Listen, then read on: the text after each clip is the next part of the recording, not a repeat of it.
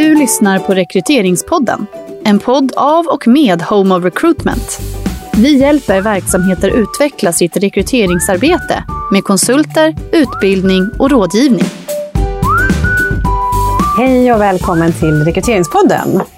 Eh, idag sitter jag här, Anki, från Home of Recruitment tillsammans med en väldigt spännande gäst som jag har sett så mycket fram emot att få träffa och prata med. Angela, du får jättegärna presentera dig själv. Tack, jättekul att vara här.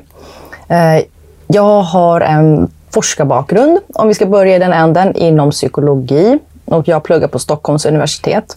Och idag så skriver jag böcker och jag jobbar som inspirationsföreläsare. Så jag reser väldigt mycket. Och sen den tiden som jag inte är ute på gig så sitter jag och skriver. Så jag bokstavligen lever och andas psykologi och det är ett ämne som fascinerat mig tänkte jag säga, sen jag var barn. Men det, ja, nästintill. Men om jag ska nämna någonting om startskottet ja. till hur jag liksom kom in i ämnet och hur mitt intresse väcktes så, så kan jag ju nämna att eh, det var under mina gymnasieår. Och då gick jag i Nacka gymnasium, vilket är en, mer eller mindre en utpräglad överklassskola. Och det var på den tiden, under samma livsfas, så eh, spelade jag ett dödsmetallband och jag klädde mig väldigt stereotypt dödsmetalligt. Jag hade svarta kläder, jag hade Dr. Martens, jag hade jättelångt hår, jag hade patronbälten, jag hade nitbälten eh, och jag hade mina ganska pinniga räkben instuckna på svarta stretch jeans. Så jag, jag avvek markant från det övriga gänget på, på gymnasiet. Det är inte så det ser ut idag, Angela. Nej, idag gör jag inte det. Så det, det finns ju en så personlig evolution när det kommer till utseende och stil och intressen och kläder och musiksmak. Vilken är bredare idag mm. än vad den var då. Men just på den tiden, så, så på något sätt, så någonstans där så insåg jag att, eh, att eh, jag blev bedömd. Det var inte min prestation, självklart delvis. Mm. Det var inte enbart om jag var glad eller icke glad, om jag var trevlig eller otrevlig. Utan det var, det var även väldigt ytliga faktorer som mm. påverkade hur, hur lärarna och hur de övriga eleverna såg mig. Och, och någonstans där så insåg jag att vi människor, vi bedöms inte direkt utifrån de vi är.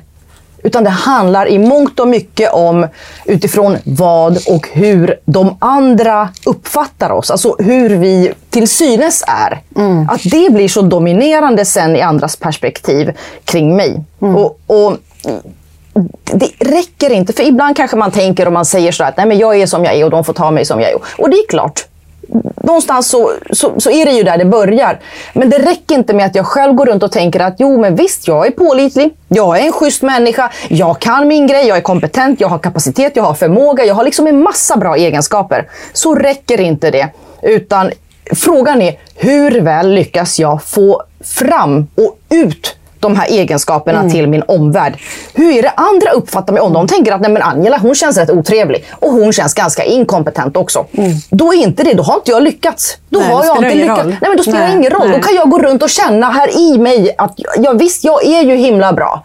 Och jag borde ju få alla dessa chanser och möjligheter och nytt jobb eller vad det kan vara. Men om jag inte lyckas förmedla det, då, då är det inte optimalt. Så då är liksom de här 40 timmarna vi lägger ner på jobbet, de här målen vi har, kurserna vi har gått, drömmarna vi bär på då lyckas vi, vi ju liksom inte få full valuta Nej. när det kommer till våra ansträngningar. Utan då går vi runt och stänger vissa dörrar istället för att öppna dem. Exakt, och det här är ju så intressant och det här är anledningen till att du sitter här idag. Jag har ju läst din bok. Du har ju eh, bland annat den här boken då, Konsten att göra intryck. Och eh, här på baksidan så kan man ju se då att du forskar då inom någonting så fint som perceptionspsykologi. Och det är väl precis det du pratar om just nu? Om jag tolkar det rätt. Ja. Och om vi backar bandet och tänker då när du gick på Nacka gymnasium, Kände du då att jaha, men jag får typ sämre betyg för att jag är klädd på det här viset? Eller liksom hur, vad hände där? Det var faktiskt mina med mina kompisar på gymnasiet ja. som eh, noterade och påpekade att nej, men vi har varit lika aktiva, vi har haft samma resultat på proven. Ändå får du, ditt betyg var inte, var inte samma som mitt, nej. tyckte mina vänner. Mm. Och jag var ju rätt naiv och godtrogen och tyckte mm. att nej men det är ju, jag är ju, jag gör ju mitt bästa mm. och jag pluggar och jag har bra resultat. Att det ska mm. vara det enda som spelar roll. Men det är ju dessvärre inte så människor fungerar utan vi bär på olika bias och vi har, det finns olika fenomen och mekanismer som kan lägga krokben i interaktionerna oss mm. emellan. Mm. Och det här tänker jag spelar ju roll i vårt liv på så många olika sätt. Allt ifrån när vi kanske ska träffa någon ny partner eller nya vänner. Eh, eller när vi som sagt söker jobb. När vi rekryterar och det kommer vi komma in mer på alldeles strax tänker jag. För det är ju det som är liksom allra mest relevant för oss här idag. Eh, men det är ju, alltså, vi möter ju ständigt nya människor tänker jag i olika sammanhang. Eh, så det här påverkar oss ju otro, otroligt mycket. Jag tänker så här, får jag läsa upp lite grann, lite grann på inlagan på din bok? Gärna. Eh, som sagt, den här heter Konsten att göra intryck. Jättespännande, rekommenderar den verkligen. verkligen. Och då lite grann så står det så här då ur inlagan att sanningen är att vi gillar folk som är lika oss själva. Som lyssnar på samma musik, hejar på samma lag, skrattar åt samma sorts humor och hänger på samma klubbar. Har vi liknande attityder, tycker lika om saker eller ägnar oss åt liknande aktiviteter så går det lättare att tycka om varandra. Och dessvärre så tenderar vi att vara lite misstänksamma mot folk som inte är som vi.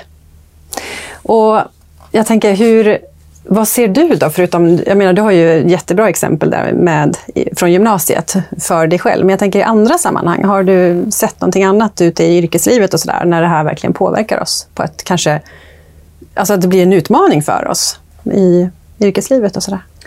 Det, det blir, precis som du säger, mm. det, absolut att det blir det. För att, och de här mekanismerna de, är, de finns så djupt rotade i oss. Så att utmaningen är ju att vi inte riktigt kan sätta fingret på Nej. att aha, nu är jag styrd av den här urgamla framevolverade egenskapen eller, eller liksom biaset som styr mig i den här riktningen och nu, nu blir mitt eh, beslut på något sätt snedvridet eller påverkat och styrt utifrån det här.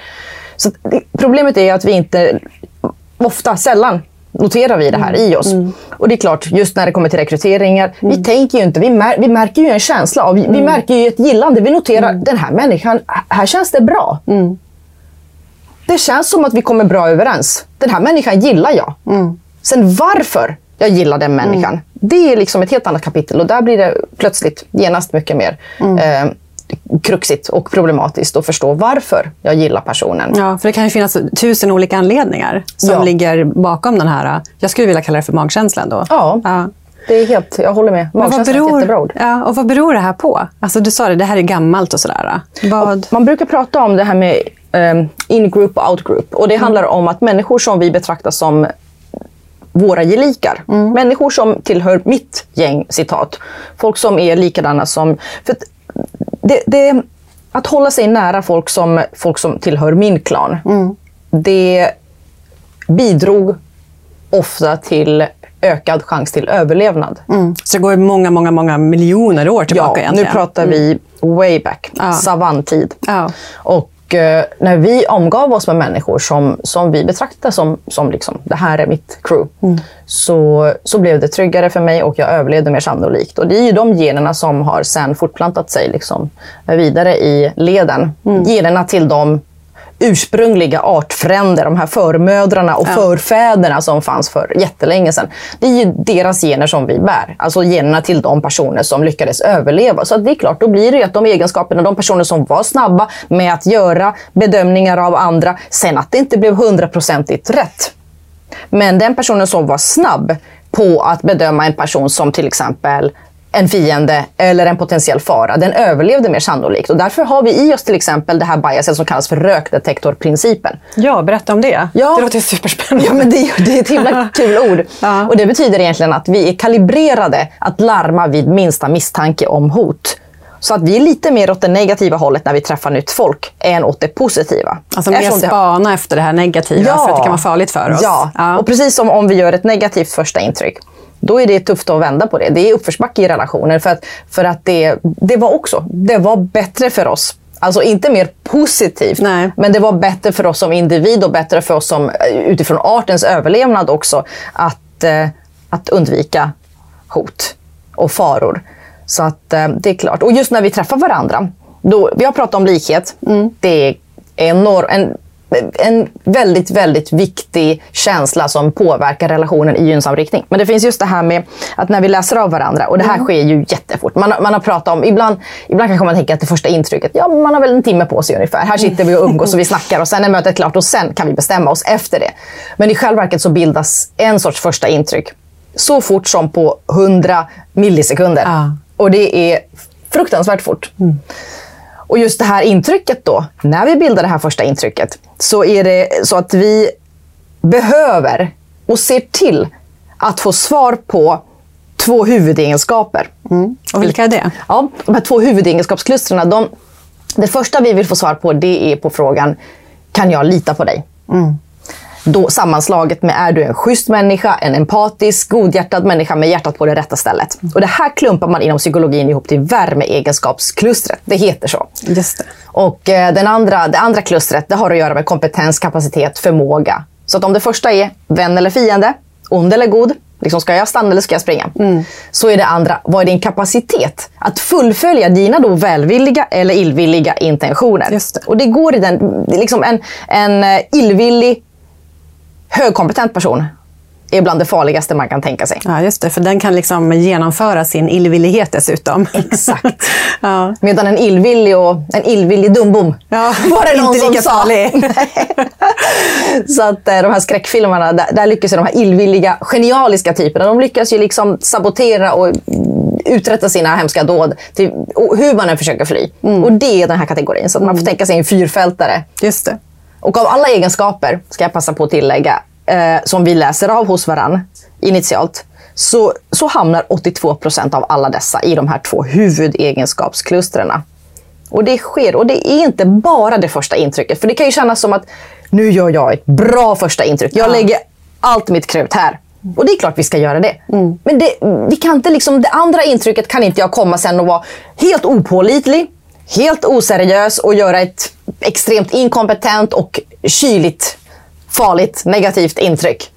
Utan det är klart jag måste fortsätta. Även om det första tillfället är väger tyngre så, så behöver jag fortsätta och upprätthålla. För att det är inte så att andra bara köper vad vi än gör efteråt. Utan vi måste ju fortsätta liksom leva upp till det första mm, intrycket mm, mer eller mindre. Men det är ännu svårare då om man har gett ett sämre intryck, ett negativt intryck första eh, gången att det, då har vi den här uppförsbacken som du sa. Ja. Då är det tufft för oss att ändra det, eller? Ja. ja. Och det, det, är inte ens säkert att vi får en andra chans. Nej. Det kan vara att det är liksom fast, ett cementerat mm. negativt första intryck och då, då går det inte att göra så mycket. Mm. Det kanske inte finns tillfälle till en ny interaktion eller Nej. ett nytt samtal eller ett nytt möte, utan då, mm. då är det mm. that's it.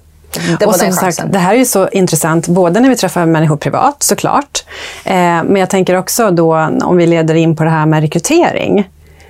Och om vi tänker oss då att vi sitter i stolen och ska rekrytera en människa och eh, då träffar en människa för en intervju. En kandidat helt enkelt. Eh, och då händer ju det här också. Jag menar, jag får ju en, ett intryck av en kandidat som, det tar också en millisekund. Jag tar i handen och handslaget är lite slappt och, och så vidare. Ja. Och hur ska vi tänka där då, vi som sitter och rekryterar? Alltså hur ska vi hantera att vi är på det här viset? För det här måste ju hända då också, eller hur? Absolut. Och en del av den forskning som jag har gjort tidigare ja. på universitetet, det, det hade att göra med... Alltså där hade vi domare, nämndemän, åklagare, advokater, poliser och juridikstudenter som försöksdeltagare. Och det här är ju yrkesgrupper man tänker, det här är vårt samhälles mm. mest objektiva yrkesproffs, ska det vara. Mm. Liksom det här med är vi lika inför lagen, finns blind justice? Resultaten visar att även de yrkesgrupperna som är tränade till maximal objektivitet. Ja. Även de påverkas av de första intryck som en misstänkt gör på dem. Mm. Så tyvärr, och det är klart, mm. att även rekryterare och människor som, som också, man tänker sig att det här ska vara objektiva, de påverkas mm. även just i det här rekryteringssammanhanget. Precis. Och det måste vi vara medvetna om, tänker jag då. Absolut. Att man förstår att den här magkänslan som uppträder efter några sekunder egentligen. Vad, vad beror det här på egentligen? Det vet vi ju inte då. Det är ofta väldigt svårt att sätta, sätta fingret på. Men, ja. men och även om man inte kan få bort den reflexmässiga känslan Nej. eller reaktionen, så med ökad kunskap och ökad medvetenhet, så, så har vi en chans att få någon form av eh, tänkte säga kontroll, men i alla fall kunna, kunna få en chans att, att styra in oss i en mer produktiv riktning när det kommer till att, att hitta rätt person. Så att vi kan lära oss att vara lite, alltså hantera att det här händer. Ja. Genom att vara medveten till exempel Ja. om att det händer. Ja. För att annars så går vi runt och känner och tycker och Ja. vi vet inte varför. Det, det är som ibland så vårt humör har ju sina toppar och dalar. Och det kan vara något väldigt litet, något väldigt marginellt som, som har hänt, som påverkar dig i ändra riktning. Och, och ibland så vet man inte ens vad som helst. Man känner bara att Nej, men nu känner jag mig jätteglad. Och sen nu känner jag mig lite så här, nu börjar det dippa. Varför? Men är man medveten om hur olika stimuli påverkar oss, då har vi ju en chans, inte bara att vi kan må bättre, men vi har också möjligheten att och vi blir mer träffsäkra när det kommer till att läsa av människor. Vi blir mer, jag tänkte säga mer förlåtande, men jag vet inte om det är rätt ord, men det kanske det är. För att då blir det inte bara att eh, vi blir liksom reflex och impulsstyrda. Utan då, då tar vi en vända till. För att, du vet, vi säger att du och jag, någon dag så mår vi inte jättebra. Det krisar hemma. Eh, Det går si och så för någon av ungarna i skolan till exempel. Eller så har vi en förälder som är sjuk. Och eh, då är vi inte precis vårt mest optimala jag i den dagen. Och samma sak om vi träffar en person. Vi har lämnat ungarna, vi säger att de är jättesmå och så har vi lämnat på dagis. Och så träffar vi en annan förälder som inte hälsar. Ja. Då är det så lätt hänt att att dra slutsatsen att, ja, att det här är en, tänkte asshole, men, men en skitstövel. Ja. Eh, Men om vi har lite mer, liksom, låt det, dra det ett varv till. Då kanske vi landar i slutsatsen att nej, men den här personen kanske har det tufft. Den här personen kanske har vakat hela natten, inte sovit någonting, har massa deadlines på jobbet och har det allmänt är i en mer utmanande fas i livet. Så att det här med intryck, ja, hur jag känner mig, hur jag mår, min självbild. Allt det där påverkar dels vilket intryck jag gör, men det påverkar ju också hur jag läser av andra. Ja. Välvilligt eller mindre välvilligt. Du vet det här med, men när jag bedömer en person som antingen åt det skitstö- skitstövelaktiga hållet eller att nej, men den har det tufft.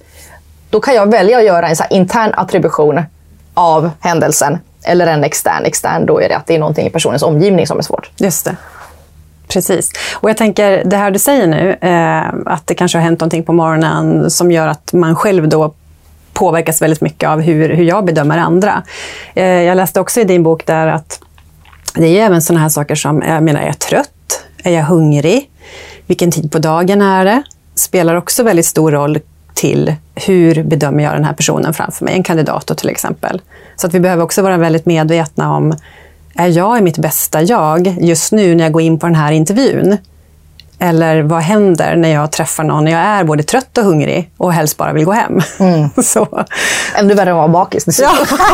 Dessutom. Så att, eh, jo, absolut. Jag brukar alltid föreläsa om de här inre tillstånden. För de påverkar mycket vilket klimat det blir på en arbetsplats. För att om, jag menar, vi skulle inte komma fulla till jobbet. Nej. För det är ju ett sånt här inre tillstånd. Det påverkar oss.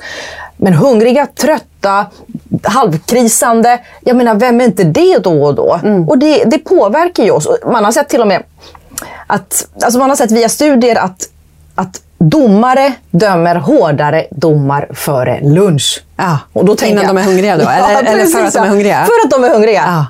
Och tänk vilken trist insikt att känna- att herregud, jag fick 20 års fängelse för att domaren körde 5-2-dieten. Ja. Eller någonting sånt där. Nej, men det gör ju det, det påverkar ju. Och det gäller ju att vara medveten även om de här aspekterna hos en själv. Så att det är ju just den sammanslagna effekten av den här personens egenskaper, den här personens, allt det den personen signalerar, förmedlar. Både verbalt och icke-verbalt. Och hur jag i min tur tolkar det. Och upplever jag oss som lika eller inte lika. Precis.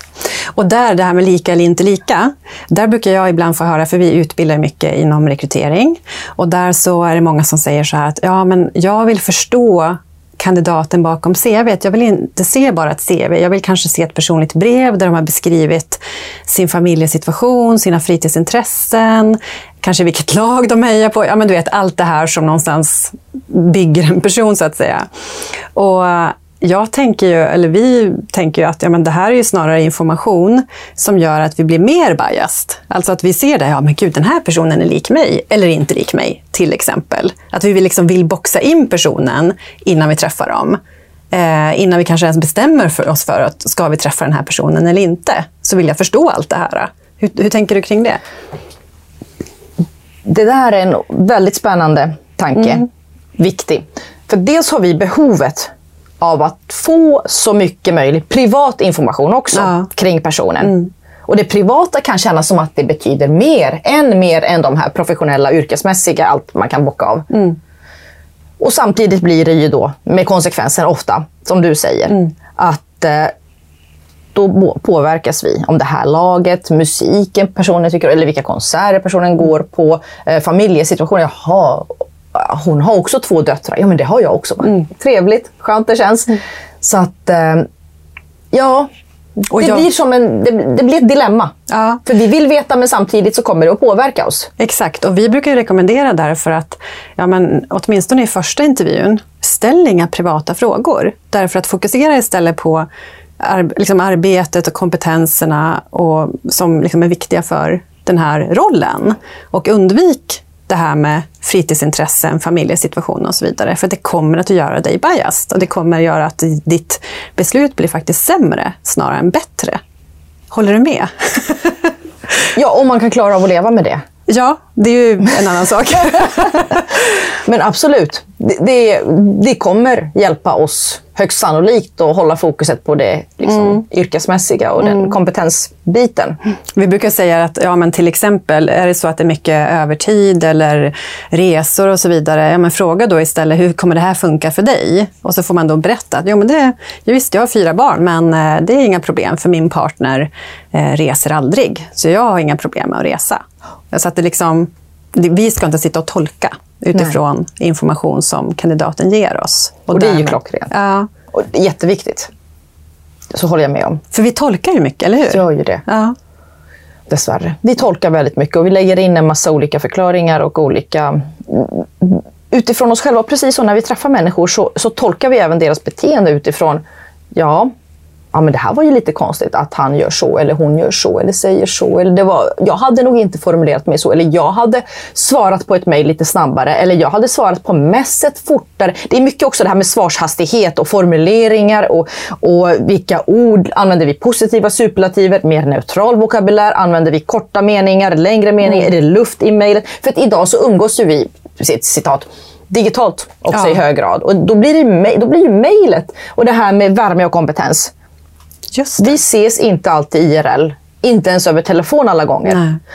Eh, Även om det är det mest optimala. Men då blir, det, då blir liksom bilden av mig, då blir det mejlet jag har skrivit. Och Eller CV:t. Eller CV, Ja. exakt ja. Och, och det här förklaras, eller har ett, ett alldeles eget namn inom psykologin. Och det är väldigt märkligt. Men det är thin slices of behavior. Och liksom tunna skivor av ett beteende. Och det betyder ju att vad det än är eh, för kanske minimal information om mig, kanske ett foto, det här mejlet, eh, alltså en profilbild eller, eller så ett väldigt kort samtal. Då blir det mejlet eller samtalet hela Angela. Då Ja. kommer de dra sina slutsatser om värme, kompetens och även det här med hur lika vi verkar vara. Utifrån det här lilla, Utifrån lilla det lilla, lilla. Vi tar och greppar vilket halmstrå liksom vi än kan få tag på. Mm. Och så broderar vi ut till en hel bild av personligheten. Mm. Och då fyller vi de här luckorna. Ja, men jag kanske, jag är rödhårig och kanske har en person som träffar mig Mm. haft en mormor som också var rödhårig. Och den personen, den här mormorn älskade hen innerligt. Och det var en jättefin och snäll mormor då kommer jag också, då kommer de här egenskaperna delvis spilla över på mig och då kommer jag göra ett lite bättre intryck. För då kommer den här mormors fina egenskaper eh, påverka vår relation. Och det här kanske inte personen är medveten om. Nej, den här Precis som som gör du- bedömningen tänker Ja. jag. Att min mormor var ju också rödhårig. Och, därmed, nej, man och så kommer du det. gilla mig bara för det Ja. mer. Och, och, och då kommer inte du alls tänka på det. Eller så har jag, att jag skulle bryta på finska eller Mm. har någon accent, Gävle, vad som helst, Norrland. Och så har du haft, träffa, haft en kollega från något av de här ställena som var jättefantastisk. Mm. Helt underbar. Och då kommer även de egenskaperna att spilla över och gynna mig då. Och hjälpa oss i vår relation liksom på traven. Och det här är ju verkligen magkänslan, tänker jag. Det är det absolut. Och det är ju svårt att göra en bedömning då utifrån den, eh, bedöm eller utifrån den känslan, tänker jag. Ja. Att eh, kommer den här vara bra jobbet? Eller hur? Ja. Ja. Vi, vi, vi, jag, ska, jag vet inte om jag ska leka med tanken, men ja, när, man, när, vi hållit, när vi studerade, eh, forskade kring hur pass lika vi är inför lagen, så så försökte vi, vi funderade på men hur skulle man kunna göra eh, det hela mer objektivt och, och lagen mer blind för massa irrelevanta faktorer. Så, så funderade vi på, ja men vad är det man får sätta en, en sån här stor säck. så man inte ser personen. Man inte ser personen Ja. eller har någon skiljevägg. Men sen blir det ju, nej men herregud, de hör ju vår röst. De Ja. hör ju vår dialekt. De kommer ju höra om jag bryter på något. Sen, sen hör de om jag är kvinna eller man. Och kvinnor Ja. uppfattas alltid mer gynnsamt i rättsliga sammanhang. Eller Just generellt sett, medan män uppfattas som mer klandervärdiga, aggressiva, skyldiga. Så att, nej, men då får man förvränga så att det blir väldigt könsneutralt, själva rösten. Och så slutar vi skriva hon eller han, utan det blir någon form av hen. Eh, det. Det blir ju jättesvårt. Ja. Ja. Men jag eh, brukar dra ett exempel ibland att eh, Arbetsförmedlingen körde ett, eh, en intervju med avatarer. Så att kandidaterna, man såg inte kandidaterna och man hade inte heller, jag tror att de hade även röstförvrängning. Så att kandidaterna var ju liksom en avatar, en tecknad figur. Häftigt. eh, under intervjun. Och det är ju ett sätt Ja. att försöka. Det är ju det. Ja. Det är ett bra försök. Så att, eh, och det här... Och jag tänker, de flesta kan ju inte göra det idag. Man kan ju Nej. liksom inte ha en situation där vi har, vi har kanske inte de möjligheterna att eh, låta kandidaten vara en avatar istället. Nej. Men eh, vi behöver ju ändå hantera att vi funkar på det här viset. Eh, och det är det som vi också of- ofta pratar om, att då behöver man jobba strukturerat, kompetensbaserat, där, där, där, där. men det är ett helt annat spår. Men jag tänker, Eh, någonting annat som, vi också, som jag läste i din bok som jag tyckte var så intressant eh, var ju också det här med att tidsbrist också spelar roll i hur vi gör våra bedömningar. Det gör det. Vi blir Ja. mer stereotypiserande då. Ja. Ju, och sen påverkar vår självbild också. Om jag har en mer negativ självbild. Eh, medan om jag har tid, jag är nöjd med mig själv, mitt liv, jag, jag tycker jag är en bra person. Så kommer det att göra mig... Jag kommer inte vara lika kategorisk och fördömande i mina möten med andra. Precis som jag är hungrig. Jag kommer liksom bli mer öppen och snäll om jag mår bra. För det är ju det här också som det i värsta fall leder till, tänker jag. För nu har vi pratat om att man blir kategorisk, som i sin, till, sin tur leder till att man också faktiskt potentiellt då diskriminerar. Ja. Eller hur? Ja, Ja. tyvärr. Ja.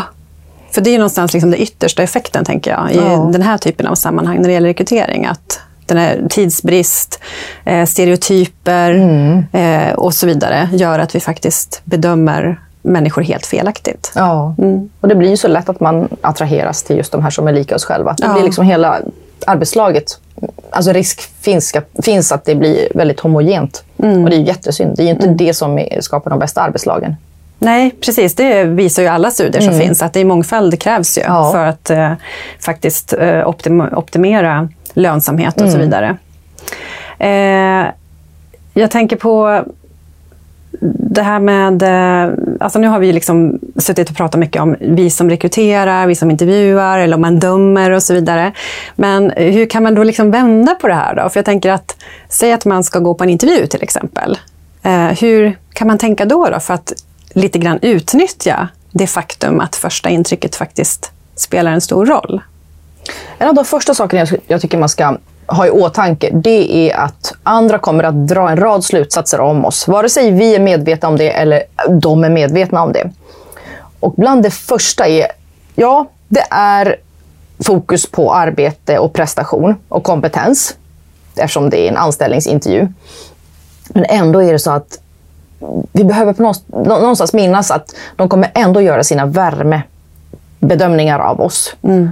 Och om jag lyckas vara trevlig, ha bra ögonkontakt, ett bra handslag som bör vara fast, varmt, torrt, gärna även lodrätt. Eh, Alltså lodrätt ska det vara Ja, också. för det är ett equal handshake. Medan det här Ah. är liksom, om jag gör så här, då, blir det, då försöker jag Om dominera man dig. Eller så här. handen, visar hela här nu. Det, det Ja. blir så här makt, maktdemonstration. Ja. S- Att, att jag, om jag kan göra ett positivt intryck, ett, att jag inte är alltför neutral och bara fokuserar på, på det karriärmässiga. Nu har vi pratat om att det är det som kan bias. Men om vi nu ska tänka utifrån den arbetssökandes Tvärtom, ja. perspektiv. Ja. Ja. Vad är bra? Ja. jag behöver, om jag är glad och trevlig och ler till exempel, inte för mycket, ingen så här excessive smiling som att jag på något sätt underminerar min egen kompetens, det jag sänder för signaler när det kommer till den egenskapen. Så är det så att glädje och positivitet får andra att slappna av. Om jag är lite sur eller lite ambivalent i mitt känslouttryck, då får det andras amygdala att larma lätt. Just det. Och det är för att amygdala är en sån här urgammal vår, liksom larm, vårt larmsystem när det kommer till vän eller fiende, hot eller icke-hot. Så att jag behöver liksom få den andra att slappna av och det gör jag genom att vara glad och trevlig. Och eh, sen fundera på, faktiskt minnas att ja, det här intrycket vi gör, de här egenskaperna avläses redan via mail, via CV, via telefon om man nu har hörts. En sorts första intryck sker i alla de här leden. Så det kanske redan har funnits ett första intryck såklart då när Precis. kandidaten kommer? Eller det har det ju såklart. Ja, att vi redan funderar på hur kan mitt CV göra ett maximalt bra intryck? Hur kan det representera mig på ett sånt sätt att jag ökar mina chanser? Och så givetvis ögonkontakten, handslaget. Har jag en rak hållning eller liksom slokar jag som en vissen, vissen blomma? Eh, mimiken. Har jag eh, en mimik som är helt sådär fastlåst? Eller är det mer levande och eh, Det är mer positivt då? Det är Det är lite mer levande? positivt, ja. ja. Så le lagom mycket? Le lagom mycket. Och är vi för liksom, stela i mimiken, helt robotartade, då, då är det inte gynnsamt för relationen. Så att, att, att vi gör ett, ett uttrycksfullt intryck är ofta ett mer karismatiskt intryck. Och utstrålar vi karisma, då kommer andra lyssna på oss mer, vi får mer inflytande. Det är gynnsamt. Ja. Och apropå det där med CV, där brukar vi också säga att eh, rekrytera utan CV. Just bara för att man ska, alltså nu när man sitter i en rekryterandes stol, att man faktiskt ska fokusera på urvalsfrågor till exempel, som fokuserar på de kompetenserna man söker. Just för att undvika den här situationen där man får ett CV som ser jättehärligt och fint ut och snyggt och disponerat och så vidare. Eh, vi vet ju inte ens om det är kandidaten själv som har faktiskt har gjort det här CVet. Man kanske tar hjälp därför att man vill, precis som du säger, Öka sina säkerställa, öka sina chanser. Så att det är ju verkligen intressant om man funderar ur olika synvinklar beroende på vart man befinner sig. Om man söker ett jobb eller Så ska är det ju. Ja. Och sen samtidigt, just beroende på vilken, man brukar prata om Big Five, the Ja. Big Five, Ja, när det kommer till psykologi. Och det är liksom fem grundläggande så här, huvudegenskaper. Exakt. Eh, och Människor som är väldigt samvetsgranna är ofta noggranna, liksom detaljorienterade och deras CV kommer, kommer förmodligen se snyggare ut än en person som skattar högt i, någon av, i ex, extroversion eller någon annan av de här egenskaperna. Eller öppenhet till nya upplevelser och erfarenheter, vilka är ofta är mer kreativa och påhittiga. I alla fall om man har skrivit det här själv då. Ja, precis. Ja. Exakt. Så om vi nu har skrivit det själv så, så kommer förmodligen en samvetsgrann persons CV bli ett bättre första intryck. Men det kanske inte är den samvetsgranna profilen som vi söker. Nej, det är, det är därför det är så komplext det här. Men du, är det likadant då, jag tänker om man ska dejta till exempel, funkar det på samma sätt där? Är det det här liksom lagom mycket leende eller liksom, hur, funkar det, hur funkar vi Det, där? där, det är ju ett sammanhang som, som inte är lika fokuserat på kompetens och Nej, kapacitet och prestation. så att, eh, där, där brukar jag säga att där kommer värmen vara än viktigare. Och det här trevliga, hjärtliga, kommer vi bra överens? Har vi mycket saker gemensamt? Som givetvis då påverkar även i rekryteringssituationen. Men det blir... Ja, ett bra intryck behöver vi göra. Men ett bra intryck handlar också om vilken situation är det jag kommer att vara i? Eller vilken situation är det jag är i? Eftersom olika situation kräver olika förmåga och olika intryck, olika egenskaper. Att Ja. vi visar upp olika egenskaper, olika sidor i vår personlighet. Och det kan vara, låt säga att jag sitter i en bil och jag kör i 120 på motorvägen. Och så har jag två knattar i baksätet, mina egna två små filurer. och så börjar de tjafsa. De är hungriga och de börjar tjafsa där bak. Och om jag lägger, hu- lägger huvudet på sned, vilket är en empatisk, så förtrolig signal i ett samtal mellan två personer. Så, och ber dem snällt, skulle ni kunna tänka er att sluta bråka? Kära barn, då kommer det inte vara produktivt utan snarare kontraproduktivt. Medan i en situation där jag träffar en person som haft det tufft. Om, om jag där väljer att maximera, liksom utstråla maximalt med auk auktoritetssignaler, Ja. visa pondus och beslutsamhet och peka med hela handen. Då blir det kontraproduktivt. Ja. Så med ungarna, ja, där behöver jag vara Där behöver du tydlig. peka med hela handen. Ja, medan en kompis lägger huvudet på sned och lyssna. Och då är inte jag auktoritär i den andra situationen. Medan i första är jag mer auktoritär. Och då Ja. är det liksom den sidan hos mig som jag plockar fram. Så det, ja, vi behöver både och. Men lägga tyngdpunkten på olika ställen. Och tar fram olika sidor av oss beroende på vad det är som händer Ja. runt omkring oss. Och det finns människor som, som kommer att ta varje tillfälle i akt och, och köra över. Tyvärr, det finns sådana människor som kommer att kränka och ägna sig åt härskartekniker. Om man i 10, 15, 20 år lägger huvudet på sned och bara tackar och tar emot, då kommer inte det bli bra för mig. Nej. Så att vi behöver veta, vad är det för situation? Vad är det för människa som står här? Och när vi då rekryterar så behöver vi vara oerhört medvetna om att det första intrycket är väldigt vanskligt för att kunna bedöma hur kommer den här personen att kunna prestera i jobbet. För det kan ju vara som du sa, nej men den här personen har rött hår som min snälla mormor hade och dessutom har en, ett röstläge som liknar min bästa kompis, eller vad det nu kan vara. Precis. Så att vi ska inte lita på det helt enkelt. Så sant. Bra. Men eh, vi skulle kunna prata om det här hur länge som helst, men jag tror att vi ska avrunda nu faktiskt. Så att jag vill tacka dig så jättemycket Angela för att du kom. Tog dig Tack, tid. tack snälla för att jag fick komma.